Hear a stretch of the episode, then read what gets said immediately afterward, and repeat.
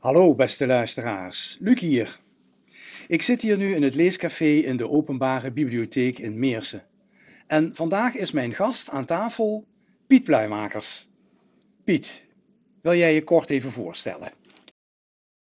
Ja, ik ben Piet Pluimakers, zoals gezegd, van een uh, ras-echt Meersens geslacht. Ik ben vader van twee zoons, hele trotse opa van vijf kleinkinderen, oud-onderwijzer en vrijwilliger op verschillende plekken, waaronder de Biep. Maar op Waddeland werk ik mee in de leskeuken. Ik ondersteun in het leesonderwijs op de basisschool. En ik probeer me verdienstelijk te maken bij een uh, hele mooie zanggroep, Allegria. Maar wil ik helaas al een hele tijd stil. Maar dat is een van mijn grootste passies, ja. Dat, uh, dat ben ik in het kort, ja. Goed, nou, dan weten we zo'n klein beetje wat jou zo al bezighoudt. Maar uh, onder andere dus ben jij een van de drie vrijwilligers die op gezette tijden voorlezen in de Biep in Meersen. Um, zou je daar iets over kunnen vertellen? Over het voorlezen in de Biep in Meersen. En dan voorlezen zowel aan kinderen, aan jongeren, als het voorlezen aan ouderen. Ja, nou dat voorlezen aan kinderen, daar heb ik me op een, op een bepaald moment heb ik me daar zelf voor aangemeld. Omdat ik zoiets had van, goh, hè, die woensdagmiddag, ben alleen staan. En dan, dan had ik wel eens van die uurtjes van, goh, ik zou nou iets zinvols, zinvols willen doen. Dus heb ik gezegd van, goh, ik wil graag voorlezen voor de jeugd. En uh, nou, dat is met beide handen aangegrepen. Dus dat doe ik inmiddels alweer een, een aantal jaren. Ik heb geen idee hoeveel. En uh, nog altijd met veel plezier. Het is, ja, je moet wel een beetje flexibel zijn, want soms ben ik de enige die naar het voorlezen wil komen luisteren.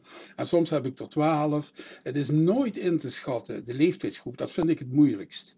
Kijk, als er kleuters komen, dan komen zeven of achtjarigen, dan kun je niet hetzelfde boek pakken.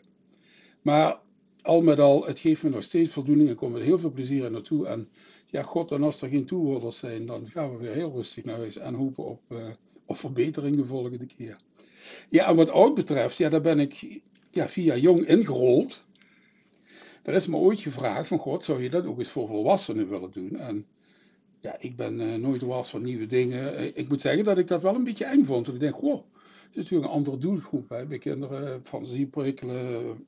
Maar bij ouderen, ja, die hebben al een heel arsenaal achter de rug. Dan moet je een beroep doen op andere dingen. En dan had ik altijd het geluk dat die allereerste keer altijd rond kersttijd. Nou, dat is een hele gevoelige tijd die met name oudere mensen natuurlijk allemaal op hun manier beleefd, beleefd hebben en nog steeds beleven. En er waren inderdaad een aantal boeken waarvan er uh, ja, hele mooie, treffende verhalen en dan, wat je bij kinderen doet, is de fantasie prikkelen, maar bij volwassenen is het meer graven in het verleden. Van, uh, waar, zijn die raakpunten? Wat heeft hun geraakt? Wat raakt hun nog? En ik moet zeggen dat. Uh, en, en die hebben natuurlijk heel brede kaders. En, en die groepen hier ook, net als bij de kinderen, bij de volwassenen, die zijn zeker door divers, zo divers. Want ik, weet dat er een paar keer uh, mensen zijn geweest, heel laagtalig. Die heeft iemand meegesleept die ik weer kende. En die zaten hier te genieten als een kind. En dat is natuurlijk, ja, dat is weer een andere doelgroep. Maar was lekker anoniem, maar wel lekker mooi om te doen, ja. Wat Pietje vertelt zelf net uh, dat het wel voor kan komen dat je in een, in een gemengde groep uh, zit qua leeftijd bij die kinderen. dat er jongere kinderen bij zijn, peuters, kleuters, maar dat er ook basisschoolleerlingen bij kunnen zijn van zo'n 7, 8 jaar. En dat het dan niet zo gemakkelijk is om een goed boek uit te kiezen. hoe, hoe los je dat op dat moment op? Ja, daar moet je in het begin altijd heel diep over nadenken. Maar wie vind ik denk, ik moet de verantwoording bij de kinderen leggen. Ik leg hem dat ook uit. Die boeken die jij leuk vindt, die zijn voor jou misschien te kinderachtig. Of die jij leuk vindt, die zijn voor jou misschien te moeilijk. En dan laat ik uit elke geleding een kind zeggen, pak maar eens een boek. En dan hoop ik dat jullie wel meeluisteren, ook al is het niet je echte niveau en andersom. En meestal heb ik heel veel steun aan ouders. Als die erbij zijn, dan gaat het altijd vlekkeloos. Want dan is er ook een sociale controle buiten mij. Hè? En heel veel ouders die hebben dan ook gezegd, nee, blijf nog maar even zitten. En, uh, nee, normaal gesproken geeft dat geen probleem, nee. nee. Kan ik daaruit opmaken dat uh, er niet altijd ouders bij zijn dan? Nee. Ja, dat kun je eruit opmaken. Ja. Er zijn niet altijd ouders bij. Het zijn uh, opa's en oma's komen vaak. Hè. Op, de, op de vrije woensdagmiddag ah, ja, komen ze met de kleinkinderen naar de biep. Uh, dat zijn leuke, dat zijn vaak mensen bij in mijn eigen leeftijdsgroep. Dus dat, Dat zijn hele leuke momenten vaak. Dat niet altijd, ik zeg nog eens, het is totaal niet in te schatten wie erop afkomt. Je weet gewoon, als het heel goed weer is, nou, dan, dan kun je het schudden. Dan komt er niemand naar binnen. en ik weet de laatste keer dat ik nog heb voorgelezen, dat was, eh, weet het nog niet, de kinderboekenweek. eh, jawel, met een bepaald thema. Of zo. Wat was? Kastelen. Heb ik er buiten voorgelezen hier.